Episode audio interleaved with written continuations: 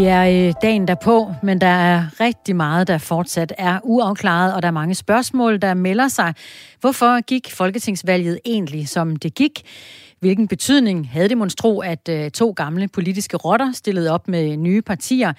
For det øh, konsekvenser for regeringsdannelsen, at de radikales formand, Sofie Carsten Nielsen, har trukket sig som øh, formand i dag? Og har det også måske fået nogen betydning, at det var de radikale, der tvang statsministeren til at udskrive valget i utide? Du har lige nu muligheden for at få svar på dine spørgsmål om valget. Ja, velkommen til Spørg om valget, hvor vi har samlet et helt panel af politiske eksperter. Med os er Benny Damsgaard, valgkommentator for Radio 4 og tidligere kommunikationschef for det konservative Folkeparti. Velkommen til dig. Tak for det. Vi har også øh, Thomas Larsen med, politisk redaktør på Radio 4. God aften, Thomas. God aften. Og så er du også med os, Erik Holstein, politisk kommentator på Altinget. Velkommen til. Tak for det. Spørgsmål, du sidder med derude, som lytter kan altså stilles i en sms. Husk øh, at have, få dit navn med, og så ellers skriv dit spørgsmål, og skynd dig at sende det afsted til øh, 1424.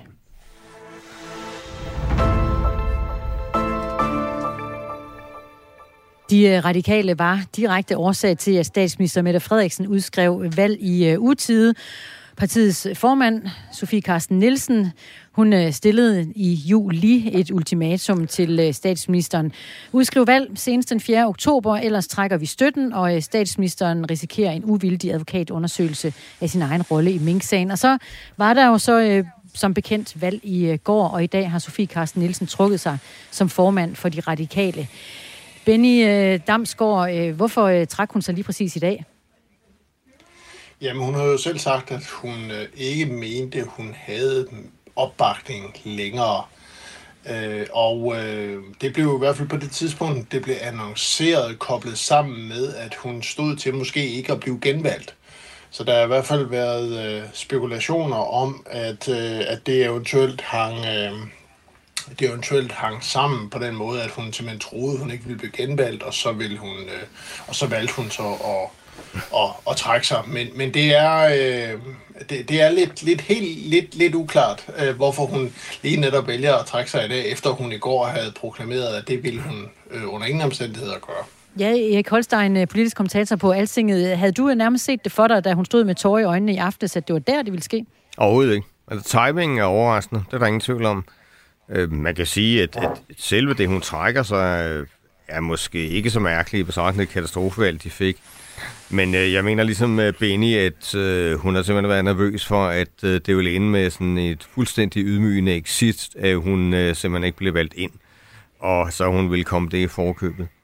Men nu er hun kommet ind. Øh, det er jo blevet oplyst, at hun fik øh, lige præcis personlige stemmer nok til at, øh, at klare skærene.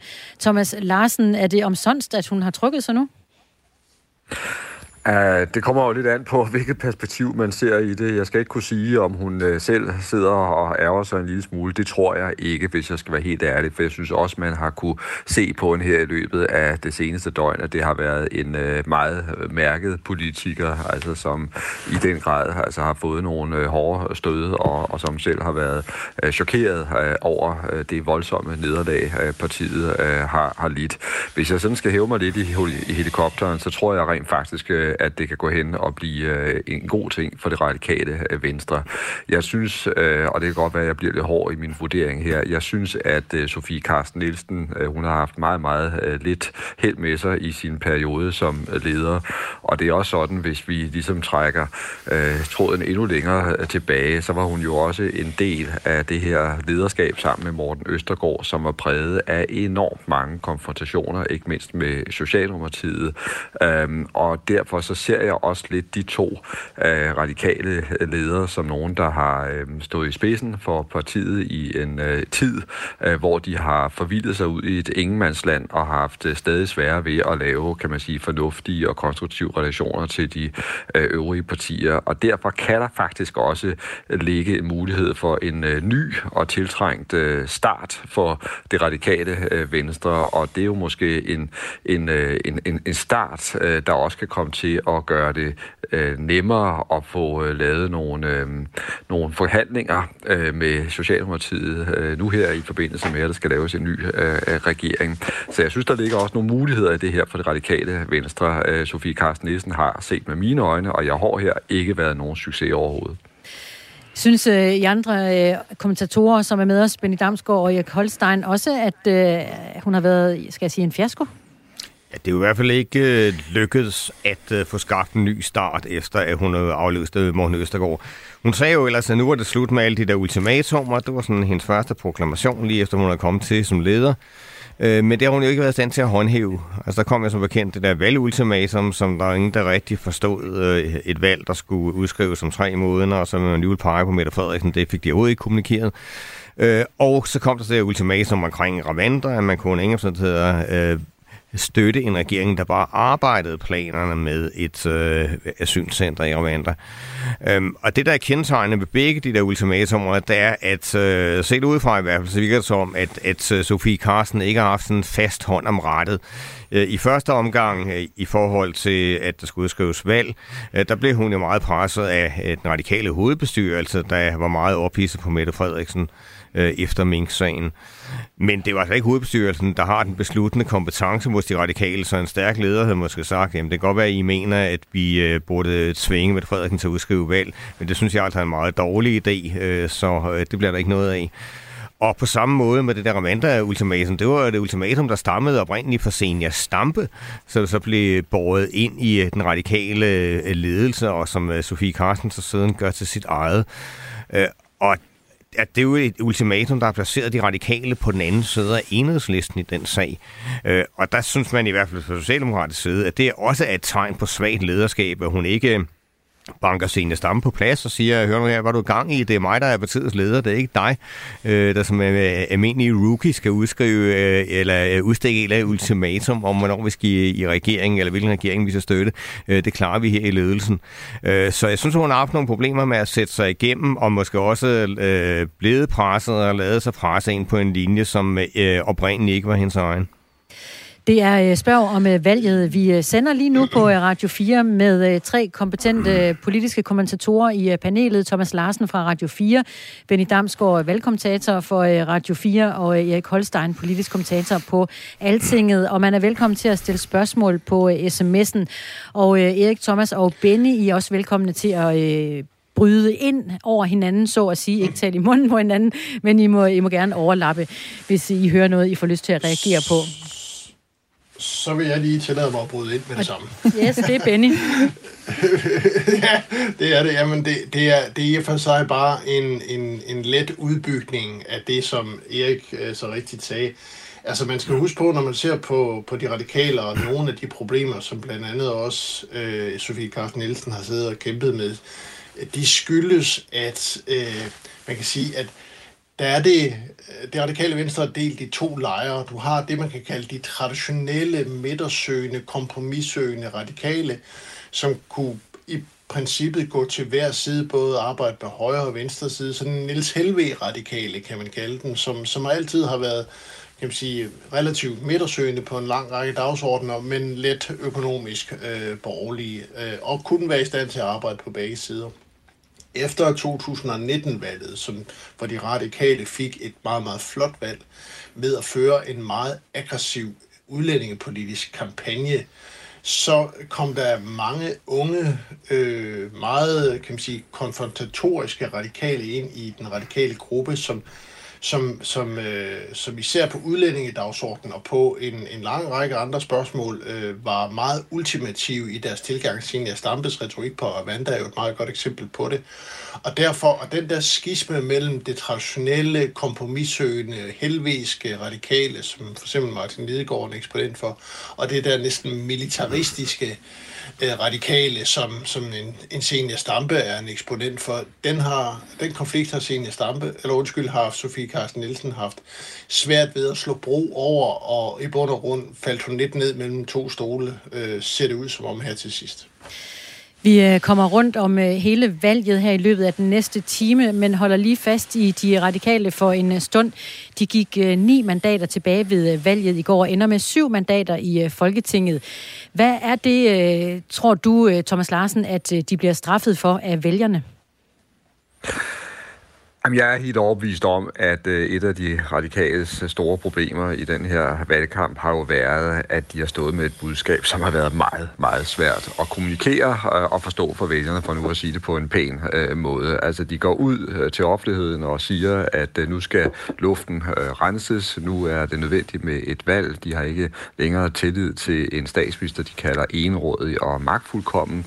Og så siger de så i forlængelse af det, men de vil jo gerne i regeringen med den selvsamme øh, statsminister, ikke? og det er jo simpelthen et, et, et budskab, som er svært for mange vælgere at, at forstå. Så allerede i udgangspunktet, der stod de med en dårlig sag, efter min mening.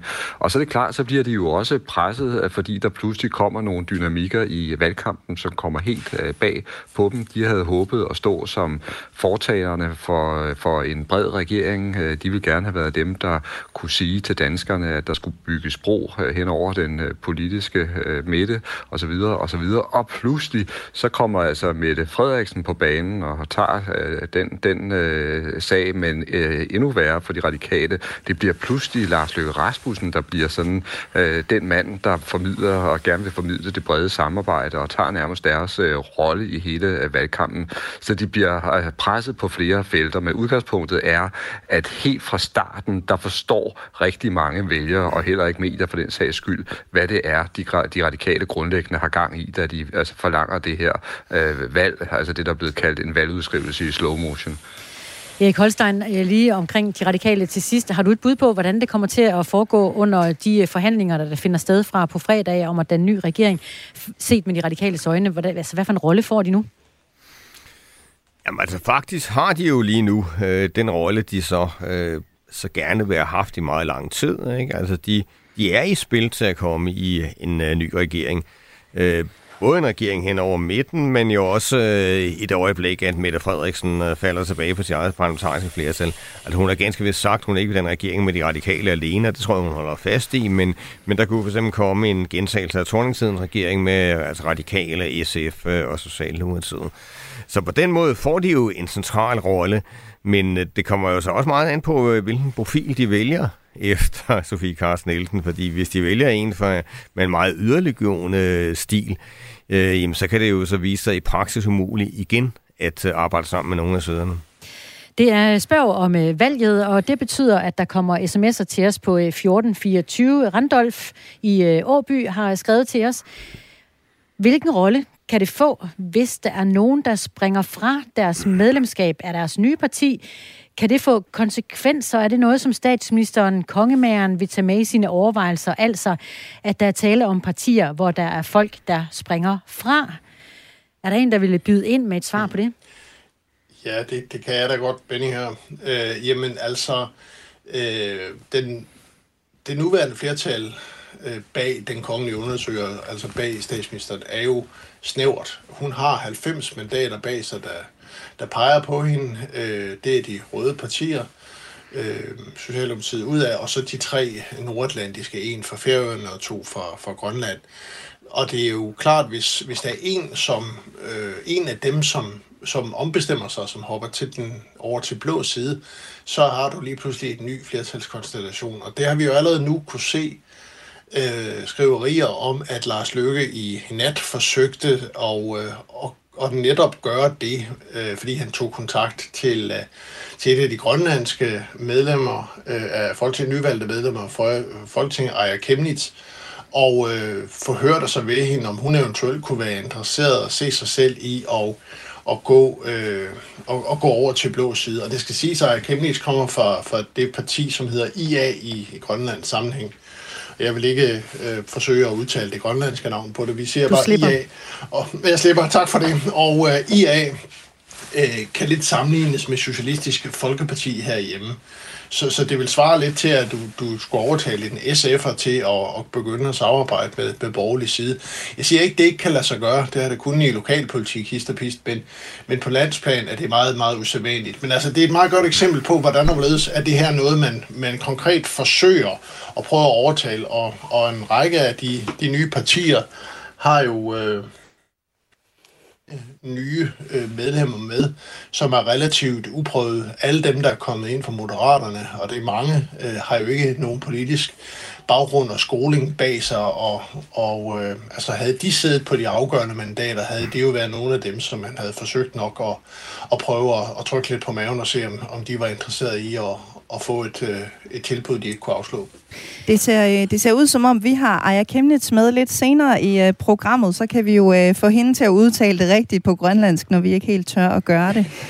Der er også kommet en sms fra Helle. Hun skriver, hvad er årsagen til, at Mette, altså Mette Frederiksen, foretrækker at forsøge at flå, få blå politik ind i den mulige kommende regering, og ikke naturligt allerførst satser på sin egen erklærede rødgrønne flertal igen. Er der nogen, der øh, har lyst til at svare på det? Mm, jeg kan godt prøve. Altså, øh, jeg tror i starten, at da Mette Frederiksen snakker om den der brede regering over midten, der tror jeg egentlig, det var sådan lidt taktisk, at hun havde læst nogle meningsmålinger øh, om, at øh, rigtig mange vælgere godt kan lide selve tanken om regering over midten, i hvert fald indtil man begynder at konkretisere politikken.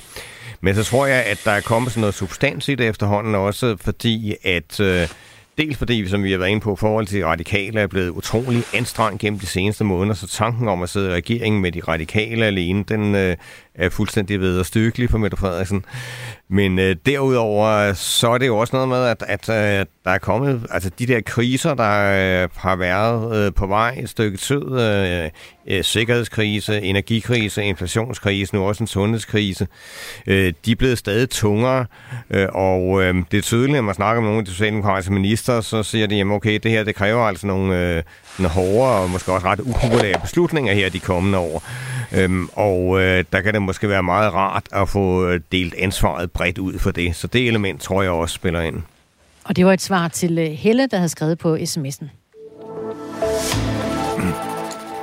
Og ligesom Helle, så har du altså lige nu uh, muligheden for at få svar på dine spørgsmål om valget, fordi Radio 4 sender lige nu spørg om valget, hvor vi har samlet et helt panel af politiske eksperter.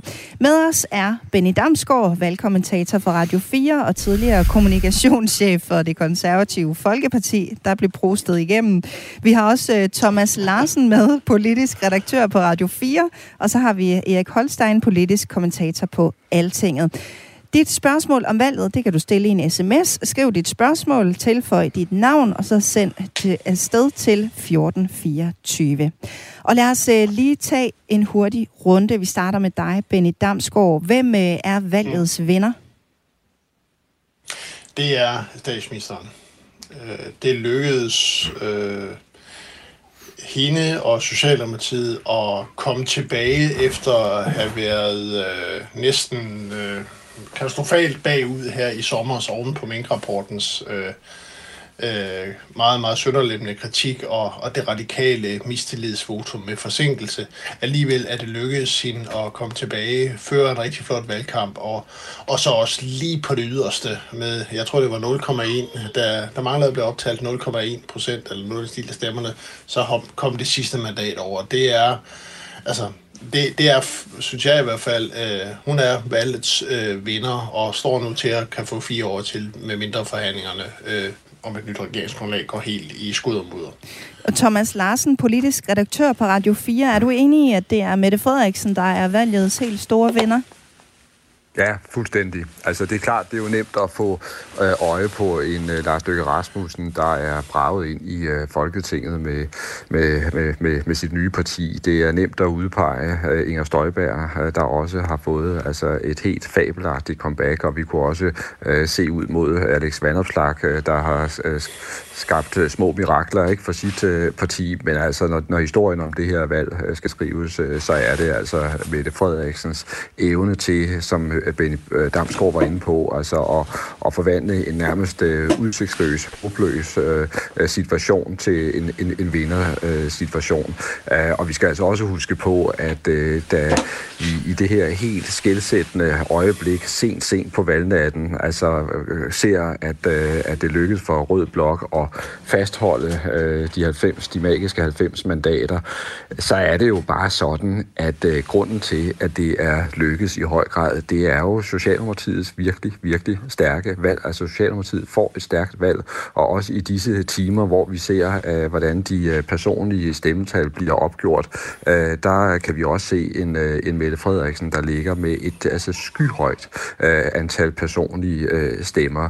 Så det er endt med at blive øh, Mette Frederiksens øh, valg, det her, og som sagt, altså ud fra en øh, næsten håbløs øh, udgangsposition, øh, hvor hun stod til at, at tabe det her øh, folketingsvalg med et, øh, et brag. Øh, og i de her øh, timer, ikke, så er hun jo også blevet udnævnt som ny med kongelig øh, undersøger, og det vil sige, at hun kommer også til at sidde med øh, serveretten, initiativretten i forhold til at skulle skabe en ny øh, regering. Øh, så øh, hun har virkelig placeret sig som den helt afgørende politiker. Erik Holstein, stemmer du i her? Ja, fuldstændig. Det kan der ikke være to meninger om. Øh, Lars Løkke var jo et øh, mulehår for at øh, være valgets ubetingede vinder, og det havde han siddet med de afgørende mandater, så havde vi peget på ham. Men det har han altså ikke. Han risikerer at præsidere over øh, 16 i realiteten relativt ligegyldige mandater, hvis han ikke øh, får manøvreret sig selv i en regering. Øh, så det er ubetinget Mette Frederiksen, der har øh, taget prisen her. Socialdemokratiet fik jo et rigtig godt valg og gik to mandater frem, og øh, selv Mette Frederiksen selv, hun virkede jo øh, overrasket over det. Benny Damsgaard, er du øh, også overrasket? Øhm, altså, altså, jeg synes ikke, altså, jeg synes, de har ført en rigtig flot valgkamp, som jeg også sagde før, og så jeg var ikke i tvivl om, at øh, de ville få et, et, et godt valg, øh, og jeg så også, øh, det, at det, det var, jeg synes også, det var ikke usandsynligt, at de vil øh, hive, øh, uh, man, hive flertallet hjem. Jeg havde nok ikke forventet, at de har fået øh, så godt et valg. Øh, det, øh, det er øh, det bedste valg, Socialdemokratiet har fået i 20 år, som man får i går, og det er ovenpå en valgperiode, hvor regeringen øh, er været udsat for massiv kritik, og statsministeren personligt udsat for massiv kritik det havde jeg nok forventet ville smitte lidt mere af på, på Socialdemokratiets valgresultat. Ikke at de vil gå tilbage, men måske fået lidt mere, lidt mere, um, lidt mindre godt resultat. Men altså, det, øh, man, må, man må tage hatten af. Det er, det er flot politisk arbejde. Og hvad er så årsagen til, at det gik så godt, som det gjorde?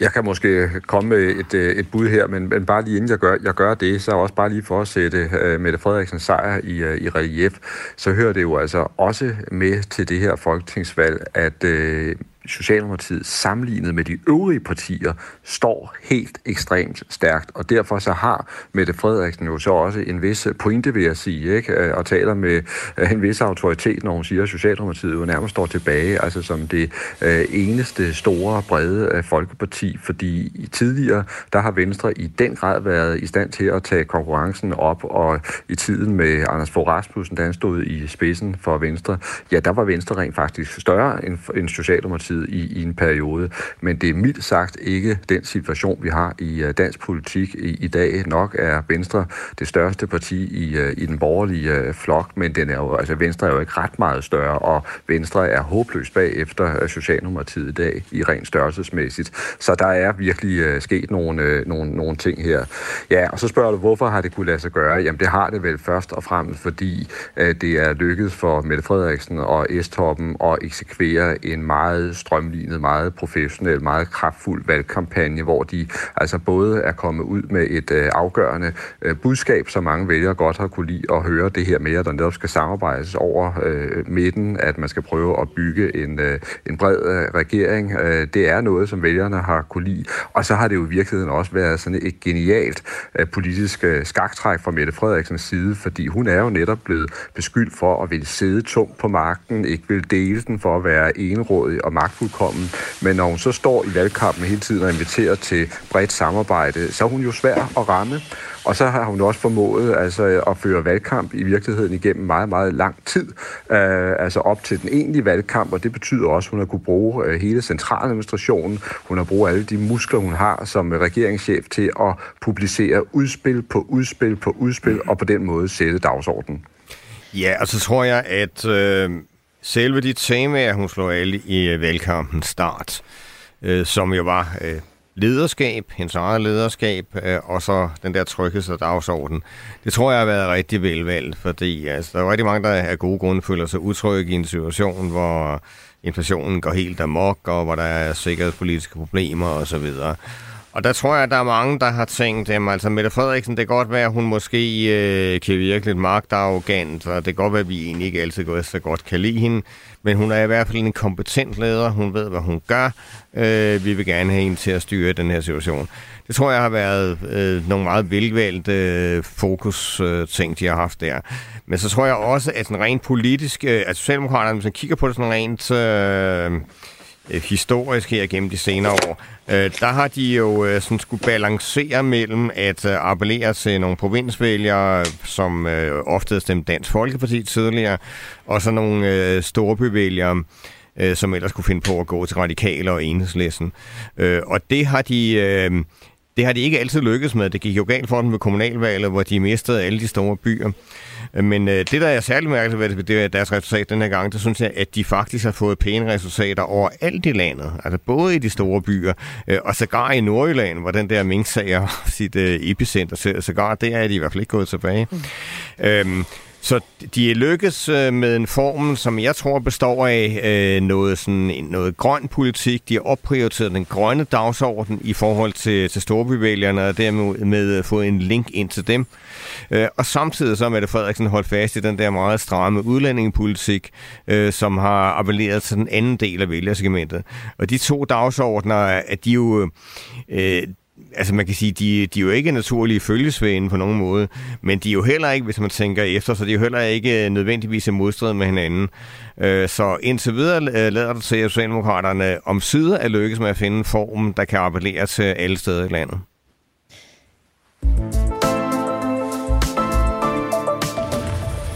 Det er lige nu, at du har muligheden for at få svar på øh, alle dine spørgsmål om øh, folketingsvalget. For øh, Radio 4 sender lige nu spørg om valget. Vi har et panel af eksperter med os. Benny Damsgaard, valgkommentator for Radio 4, og Thomas Larsen, politisk redaktør på Radio 4, og Erik Holstein, som er politisk kommentator på Altinget. Spørgsmål kan stilles i en sms, hvor man skriver sit spørgsmål og tilføjer sit navn og sender til 1424. Det er der flere, der gør. Der er Tony for eksempel, der skriver, er det bare mig, men øh, virkede Lars Lykke ikke bitter og sur ved det sidste partimøde efter valget i nat? Han havde vel regnet med at blive tungen på vægtskålen og kunne styre showet. Jeg tror øh, ikke, han så meget vil have til at vurdere, om han så bitter ud, men øh, er han en bitter mand nu, Erik Holstein?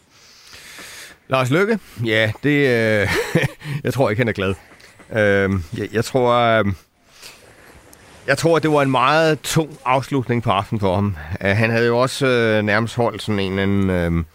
Uh, sejrstale, ikke? hvor han sagde, at nu skulle Mette Frederiksen så aflevere de der nøgler til statsministeriet, og, og det lå jo i, i luften, at hvis hun skal have dem igen, jamen, så skulle hun gøre sig rigtig lækker over for ham. Det var ham, der ligesom bestemte showet her fremover. Øh, og så ryger det, det, det ene mandat altså, og, og spillet er fuldstændig anderledes. Og, og det er ham, øh, der skal øh, indrette sine, øh, sine prioriteter efter Mette Frederiksen. Det, det er hende, der bestemmer, om, øh, om der bliver dannet en regering, hvor, hvor han kommer med, og ikke, ikke ham, der bestemmer, om hun bliver statsminister. Øh, så jeg er helt sikker på, øh, spørger man Lars øh, Løkke Rasmussen... Øh, øh, over en kop kaffe eller en fadøl, så er jeg helt sikker på, at han, øh, han vil sige ærligt, at øh, han havde foretrukket at få øh, fire eller fem øh, afgørende mandater frem for at få 16 mandater, der øh, ikke nødvendigvis spiller en stor rolle. Vi ved det jo ikke endnu. Øh, Benny Damsgaard, øh, der bliver spurgt på sms'en. Kan øh, Moderaternes økonomiske politik kaldes stærk eller direkte yderliggående højreorienteret? Hvordan harmonerer det med facaden som et midterparti, spørger Claus?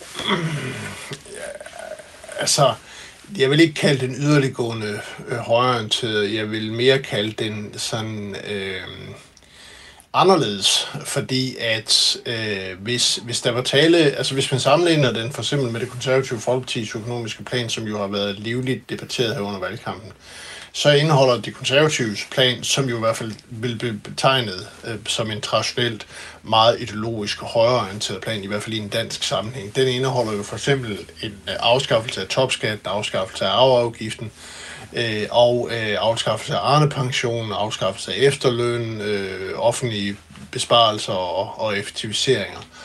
Og for eksempel, hvad angår afskaffelse af, af topskat, så er det ikke et element, som der er indeholdt i Lars Lykkes øh, og Moderaternes plan, snart tværtimod. Der er der tale om en, en anderledes former øh, og højere beskatning af de allerøverste øh, indtægter.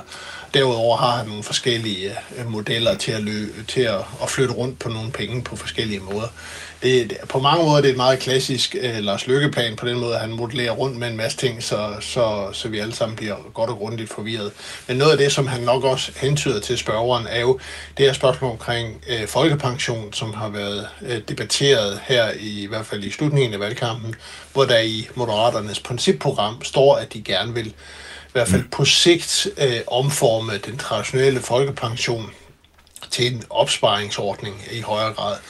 Og, øh, og det kan man jo godt øh, argumentere for er, er relativt sådan markant højorienteret i forhold til, hvad man ellers har set herhjemme siden øh, starten af 50'erne, hvor folkepensionen blev indført og næsten har været øh, hellig siden da. Men altså, nej, jeg vil ikke betegne øh, den som sådan traditionelt højorienteret, men mere som anderledes. Hmm. Hvis, jeg, hvis jeg lige må bryde ind, jeg var ikke helt enig med Benny her, fordi altså, jeg, jeg, men, jeg mener, at, at, at Lykkes øh, plan Øh, den lå øh, reelt meget langt til højre. Øh, altså, det, det var jo altså Cepos, der gennemregnede og sagde, at det gennemført med den der reform, så var det mest øh, ulighedsskabende, man havde set i 20 år.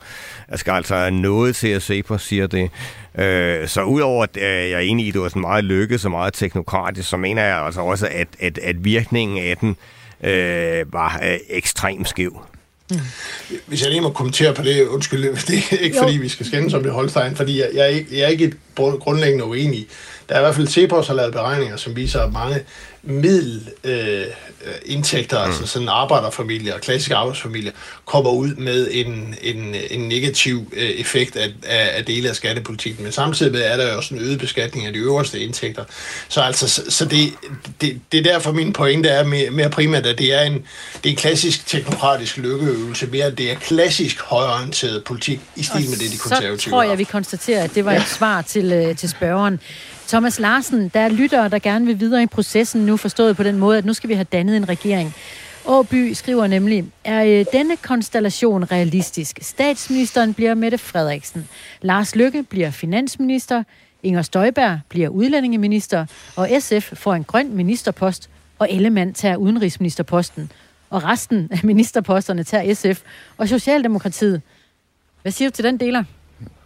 jeg synes, den er spændende, men, men, men jeg må sige her indledningsvis, at, øh, at øh, at øh, tak for tilliden, han er sagt til vores øh, gode øh, lytter, men, men jeg bliver nødt til at sige, at jeg tror vidderligt ikke, at der er nogen på Christiansborg, der her og nu ved, hvordan det her ender. Altså det må jeg sige, det er en meget, meget svær øh, øvelse og mission, som øh, Mette Frederiksen er ude på som, øh, som kongelig øh, undersøger. Um, og øh, jeg tror, det bliver øh, ekstremt øh, svært, og øh, jeg tror også, at hun kommer ud altså i, øh, i, i flere øh, runder, øh, før vi får et øh, et billede af, hvorvidt øh, det her vil kunne lade sig gøre. Altså umiddelbart, så må jeg bare sige, at øh, selvom øh, de godt nok har været gamle øh, kampkammerater og gamle partifælder, Lars Løkke Rasmussen og Inger Støjberg, så kan man ikke just sige, at de er perlevenner i dag, eller befinder sig særligt tæt på hinanden rent øh, politisk. Og øh, Lars Løkke Rasmussen har jo gjort sådan et temmelig stort nummer ud af, at han gerne vil have øh, yderfløjene øh, væk fra indflydelse, og han har også øh, direkte altså peget meget hen i retning af øh, Inger Støjberg, og han har taget meget afstand fra den øh, udlændingepolitik, som øh, han godt nok førte med hende i gamle dage, men som han altså flyttede sig fra i, i dag. Så de to i, øh, i øh, regeringen sammen, altså hvis vores øh, lytter får, får øh, øh, ret i det, øh, så bøjer jeg mig ydmygt i, i støvet, øh, men jeg kan ikke se, se den for mig her nu, det kan jeg ikke. Mette Frederiksen selv, hun siger i hvert fald ikke ret meget om det i dag. Lad os lige høre det lidt, hun har sagt. Jeg fornemmer, at forhandlingerne nok ikke er overstået, hverken på en dag eller på en uge. Jeg vil ikke forestå, at der sådan går belgiske eller andre landes historiske traditioner i regeringsdansen i Danmark. Men jeg tror ikke, det er overstået lige øh, på en stund. Jeg vil bare anmelde allerede nu, at ligegyldigt hvad jeg bliver spurgt om, om krav fra nogle partier og nogle andre partier, og røde linjer og ultimative krav, og hvad kan ikke lade sig gøre, og hvad kan lade sig gøre, og hvad vil Socialdemokratiet aldrig nogensinde gå med på, og hvad kan vi leve med? Jeg kommer til at give samme svar, som jeg gør nu. Det tager vi ved forhandlingsbordet. Benny Damsgaard, øh, velkommentator for Radio 4. Hvad foregår der i Mette Frederiksens kulisse i dag? Jamen, det de, øh, de, de sidder og gør på nuværende tidspunkt, det er at, at forberede sig til forhandlingerne. Og for det første, så skal jeg sige, så tror jeg, at de sover nu. Altså, man, der er et betydeligt søvnunderskud, der lige skal indhentes, for vi, det bliver lange forhandlinger, man har behov for lige at få, få lidt mere, batteri, eller mere energi på, på batterierne, inden, inden det starter på fredag. Men altså, man er, man er langsomt, men sikkert begyndt sonderingerne, som det hedder. Det vil sige, at man tager nogle, nogle indledende, meget uformelle drøftelser, måske igennem tredje mand, med nogle af de partier, som, som man, øh, man har på fornemmelsen godt kunne være øh, interesseret i at, at snakke med en, og måske være interesseret i at indgå i et mere forpligtende samarbejde på, for at få at danne sig et indtryk af, hvor er deres, øh, hvad er deres krav, hvor er deres øh, ømme punkter, hvor er deres røde linjer, altså, og så og så begynde stille og roligt at, at forberede sig. Men altså, det statsministeren gør der i det citat, er jo også det eneste rigtige at gøre i den situation, det er at, og, øh, og prøve at, lade være med at tale konflikten for meget op eksternt, fordi der bliver rigeligt konflikt inde ved forhandlingsbordet. Benny Damsgaard har lovet at være sammen med os til klokken bliver 18.45, så har du et spørgsmål, der lige præcis retter sig til ham, velkommentator for Radio 4, så send det afsted nu på øh, 14.24. Jeg øh, vrider det sidste ud af dig, Benny i hvert fald. Hvorfor øh, går Mette Frederiksen ikke bare efter en helt rød regering? Jamen, hun er jo gået til valg på og har gentaget gentagende gange her øh, i det sidste af valgkampen, at hun vil danne en, eller forsøge at danne i hvert fald en regering over midten. Så derfor er hun nødt til øh, at, at forsøge at, at se, om det kan lade sig gøre. Øh, og og jeg, jeg tror grundlæggende er også, at det, det er et reelt ønske om at, om at se, om det kan lade sig gøre. Øh, Øh, det er i hvert fald det, man hører internt fra Socialdemokratiet. Det er ikke bare opfundet til lejlighed. Der er et reelt ønske om at se, om det kan lade sig gøre, blandt andet inspireret af det nationale kompromis på, på forsvarsområdet. Så, så altså, det kan godt være, at det ender med en ren rød løsning, for eksempel med S, SF og de radikale. Men, øh, men her til at starte med, øh, så, så skal muligheden, eller så skal, skal det afsøges, om man kan lave noget over midten. Thomas Larsen, øh, hvor i ligger udfordringerne i øh, det, at hun satser på, Mette Frederiksen, nemlig at lave en regeringsdannelse hen over midten? Ja, hvor ligger de ikke? Altså, problemet er simpelthen, hvis du ser på de forskellige meldinger, der er kommet i løbet af, af valgkampen, så, så er det sådan, at, øh, at øh, mange af dem er spændt hårdt op. Nogle af dem er, er, er ultimative, og hvis man øh, tager dem sådan for, for pålydende, øh, så bliver det faktisk øh, noget nær øh, umuligt at, øh, at skulle øh, danne altså den her øh, brede øh, regering.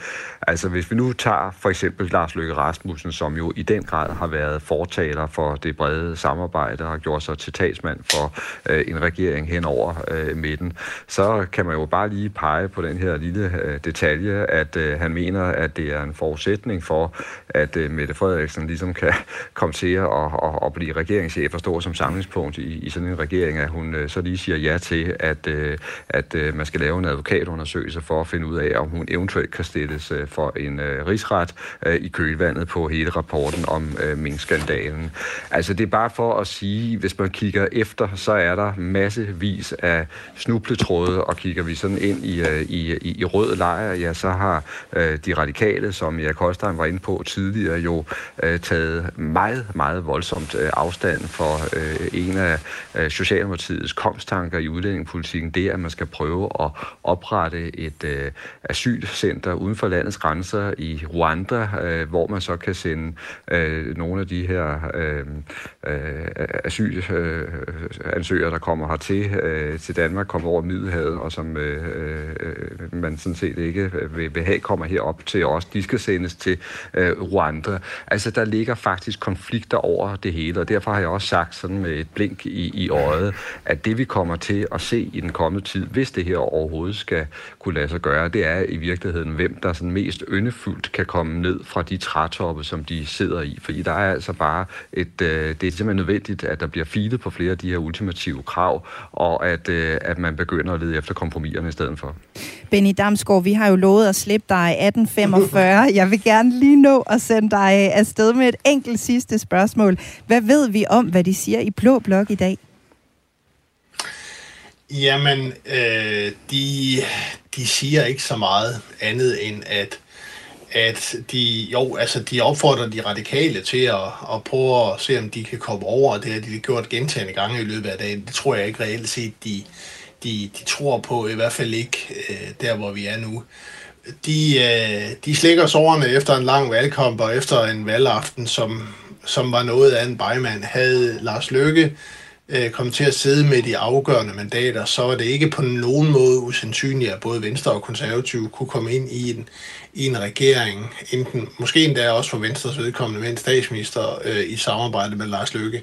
Så det er øh, en... Øh, så, så, og lige pludselig nu, så sidder de tilbage med ingenting, så øh, udover udsigten til fire år i opposition. Så jeg tror, de er, de er noget skuffede, og, og så trænger de ikke mindst til at sove. Og det uh, tror jeg uh, også, der er et uh, par i vores panel, der gør. Nu skal vi nok slippe dig, Benny Damsgaard. Mange tak for din tak for tid. Det. Velbekomme. Der er kommet øh, et par sms'er, der handler om øh, fintællingen i dag. Henning øh, spørger, om fintællingen er afsluttet, og Hans Jultved fra Hillerød spørger også, om de sidste stemmer er talt op. Og det kan jeg svare på, for øh, Danmarks Statistik øh, har nemlig skrevet i en pressemeddelelse i dag, at de ikke offentliggør stemmetallene fra fintællingen efter folketingsvalget endnu, og det er fordi Danmarks Statistik gerne vil gennemføre en ekstra kvalitetskontrol inden offentliggørelsen, fordi valgresultatet har været så tæt. Men noget, jeg ikke kan svare på, det kan du så måske til gengæld, Erik Holstein. Det er en sms, hvor der står, bliver livet ikke betragteligt lettere for S, hvis de øh, skifter R og de øh, tre nordatlantiske mandater ud med øh, Larses Ross? Det er Mejl, der spørger. Larses Ros, tror Nå, jeg måske. er det ikke Ross? Jeg troede, det var hele Ros. hans Ros. Hans Ros? Ros eller Ros? Altså Ros. hele, hele banden. Hele, hele banden. Ja. Hele banden, ja. ja. Nej, det tror jeg ikke. øh, de radikale er besværlige. Um, de nordatlantiske er nok falde på plads på en eller anden måde. Men de radikale er selvfølgelig øh, øh, nogen, man kommer til at slås med, og som man egentlig helst øh, havde været for uden. Men det kan måske lade sig gøre. Altså, øh, hvis øh, Mette Frederiksen øh, tager Lars Løkke med i en regering, og han for eksempel kan have en finansminister for os, eller, eller noget andet, øh, så bliver det altså meget, meget, meget vanskeligt for hende. Altså, fordi, øh, altså man kan tænke på, øh, øh, det Lars Løkke vil med sit projekt, jamen det er jo sådan en, øh, altså en, en regering, der fører samme politik, øh, som øh, han selv gjorde en periode, og som, som Torning-regeringen gjorde. Altså Lars Løkkes øh, favorit-socialdemokrat, det er jo Bjarne Korydon, øh, den tidligere finansminister, som... Øh, Øh, Mette Frederiksen jo nærmest øh, har gjort til sin hovedfinde. Det var i hvert fald øh, et opgør med Torning Corridon-linjen, øh, der ligesom var kendetegnet på Mette Frederiksens øh, nye socialdemokrati. Altså hvis hun bliver tvunget tilbage i den retning, øh, fordi øh, Lars Løkke øh, lukkes øh, ind i regeringen, øh, så kan det altså fuldstændig ødelægge det projekt, hun har bygget op i øh, Socialdemokratiet. Så, øh, så man kan sige, hvis, hvis øh, Socialdemokraterne havde store problemer med Margrethe Vestager i perioden fra, fra 2011 til 15, øh, så tror jeg ikke, problemerne vil være det mindste mindre, hvis man øh, får lykke med i regeringen. Kan man ikke overhovedet, Thomas Larsen, forestille sig en model, hvor moderaterne kan være med? Det er jo det, de skal prøve at afsøge, men jeg er fuldstændig enig med øh, Erik i hans analyse. Jeg mener også, det er skarpt set, fordi det, der kan være problemet med, med Lars Løkke Rasmussen, øh, det er, at det er ikke sådan bare altså substansmæssigt, at, øh, at de kan ligge på øh, konfrontationskurs. Altså det handler også om, at øh, Lykke, øh, hvis han har styrken og kraften til det, i virkeligheden kan komme til at underminere altså hele det politiske, ideologiske grundlag, kan man sige, som øh, øh, Mette Frederiksen og hendes nærmeste har bygget op omkring Socialdemokratiet øh, siden 2015, da hun blev ny øh, formand, og som jo altså rent faktisk har gjort øh, partiet mere robust i, i mange øh, år. Og der tror jeg altså virkelig, at øh, de, øh, de vil simpelthen ikke tillade, at, øh, at det her grundlag det bliver sat i stykker eller begynder at slå øh, sprækker øh, under dem. Så derfor så vil jeg også sige, at det kommer øh, til at handle om, at Lars øh, Løkke Rasmussen, ja, han kan godt øh, drømme om at være øh, reformator, men han skal øh, indse, at det skal ske i, i nogle rammer, som øh, Mette Frederiksen og Socialdemokratiet kan leve med.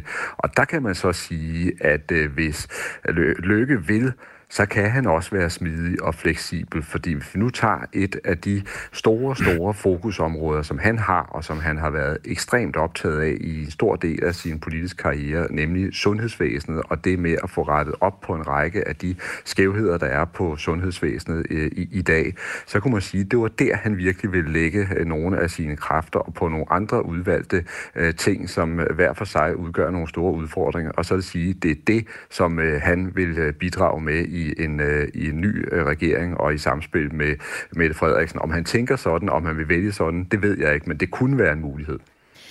Jens skriver en uh, sms, hvor han spørger jer, og nu retter det mod dig, Erik. Uh, hvem har den største kamel at sluge i forhandlingerne? Jamen, det mener jeg, at det kommer til at være på, hvilken type regering, der bliver, bliver dannet. Ikke? Men hvis du siger en regering uh, over midten, uh, så uh, bliver det primært øh, de blå, der kommer til at sluge kameler. Det er klart for Jakob Ellemann, der vil det være en enorm kamel øh, at sluge, at øh, Mette Frederiksen øh, bliver statsminister i en regering, som han så deltager i. Kan vi se det ske? Ja, altså Ellemann har jo åbnet en smule op over for det i dag, men så både i Publicistklubben her, øh, hvor han åbnede op over for det. Han, han åbnede faktisk også lidt op for det i partilederrunden, øh, da det endelige valgresultat øh, lå der i går. Han var ikke sådan kategorisk afvisende over for øh, en regering over midten længere. Han, han sagde, han, han troede ikke rigtigt på det, og, og øh, øh, han synes ikke, at Mette Frederiksen rigtig havde vist vilje til det. Men der var sådan, lad os nu se indstilling til det, som er, er, er helt ny for Jakob Ellemann. Og, og man kan jo sige, hvis han skal dække sig ind bag hoved Jakob Ellemann, så kan han jo øh, i det mindste argumentere med, at han har sagt, at han vil, han vil ikke gøre Mette Frederiksen til statsminister.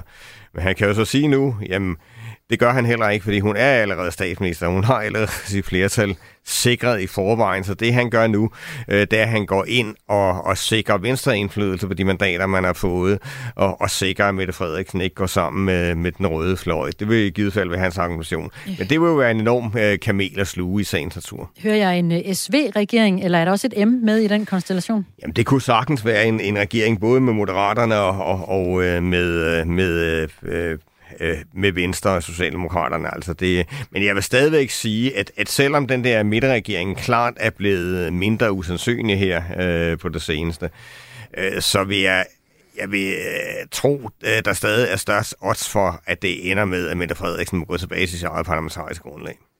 Og øh, noget andet, det måske også kan ende med, øh, kunne det være en, øh, en ny undersøgelse af Mink-sagen? Der har jo været øh, partier, som, øh, som har sagt, at det vil de støtte efter, øh, efter valget. Det er Jakob Larsen, der simpelthen bare spørger, kommer der en ny Mink-sags undersøgelse?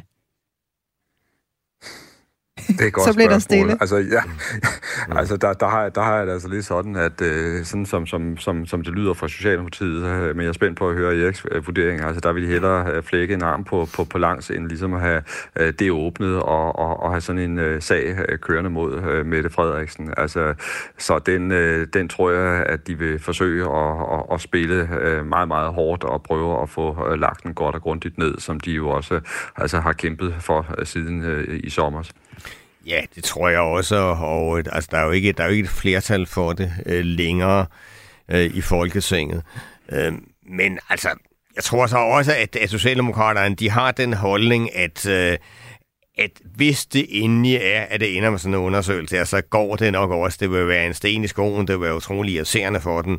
Men de har den klare opfattelse, at, at der altså ikke er begået øh, øh, så alvorlige fejl, eller noget som helst, der bare peger i nærheden af en rigsretssag. Så øh, altså, de er ikke dybt nervøse for det.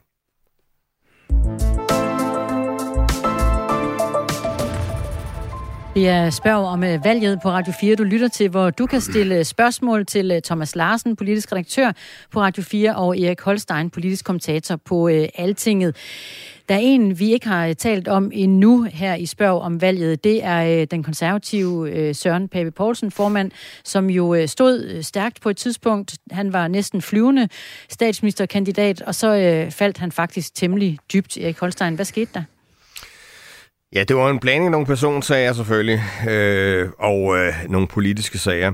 Man kan sige, at han har fået en, en ret hård straf. Ikke? Faktisk en meget, meget hård straf. Han mister så tredjedele af sine vælgere på, øh, på to måneder. Altså, jeg har aldrig set noget lignende i, i dansk politik overhovedet.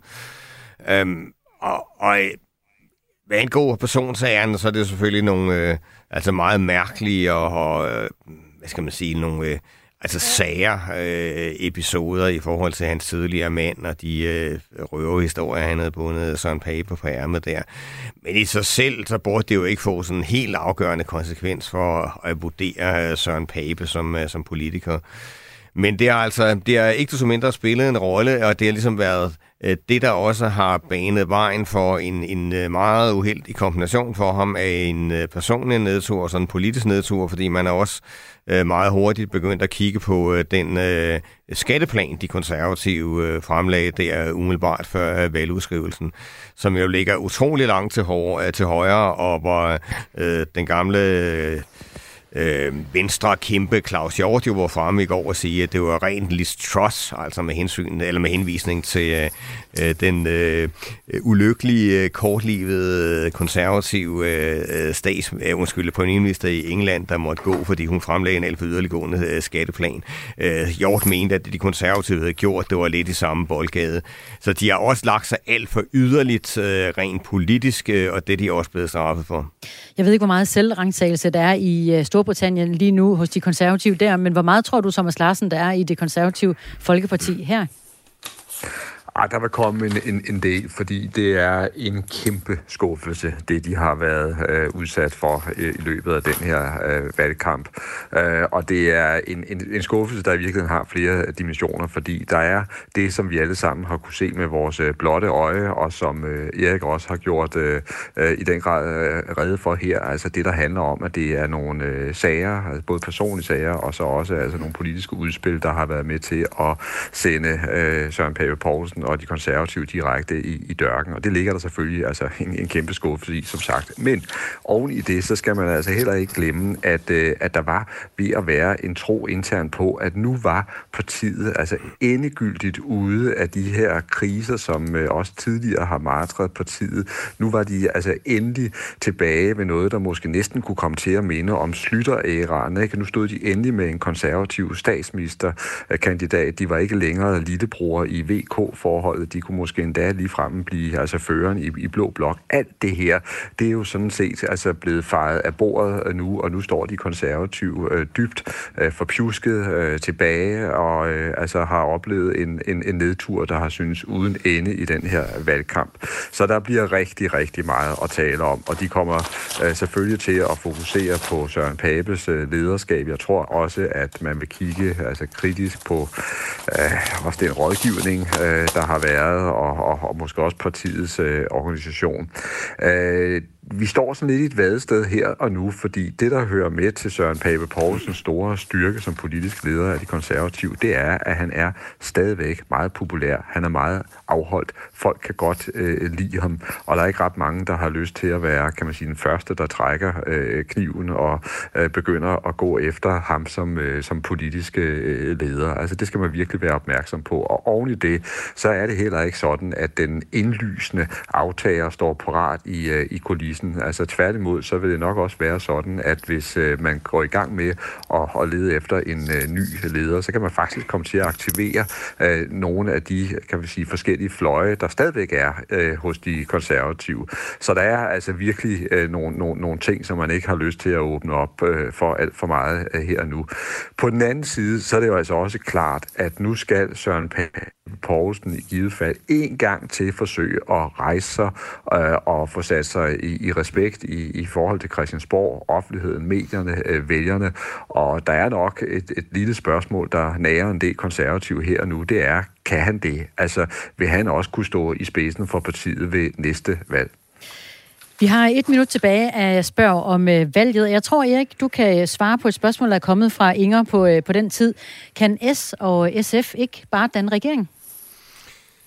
Jo, men det er ikke helt udelukket, det kan ende sådan, men øh, altså, trods alt øh, er der jo det problem, at de kommer til at mangle nogle mandater. De kan sagtens få støtte fra enhedslisten, de kan få støtte fra Alternativet, men de radikale vil jo ikke synes, det er sjovt. De vil nok kræve at komme med i sådan en regering, og, og deres mandater skal man altså stadig have for at kunne øh, mønstre et flere selv. Har du øh, samme holdning til den, Thomas? Ja, og så må jeg bare sige helt ærligt, altså de her regeringsforhandlinger, de bliver uhyggeligt spændende at følge, fordi som jeg sagde før, ingen ved, hvad de ender med.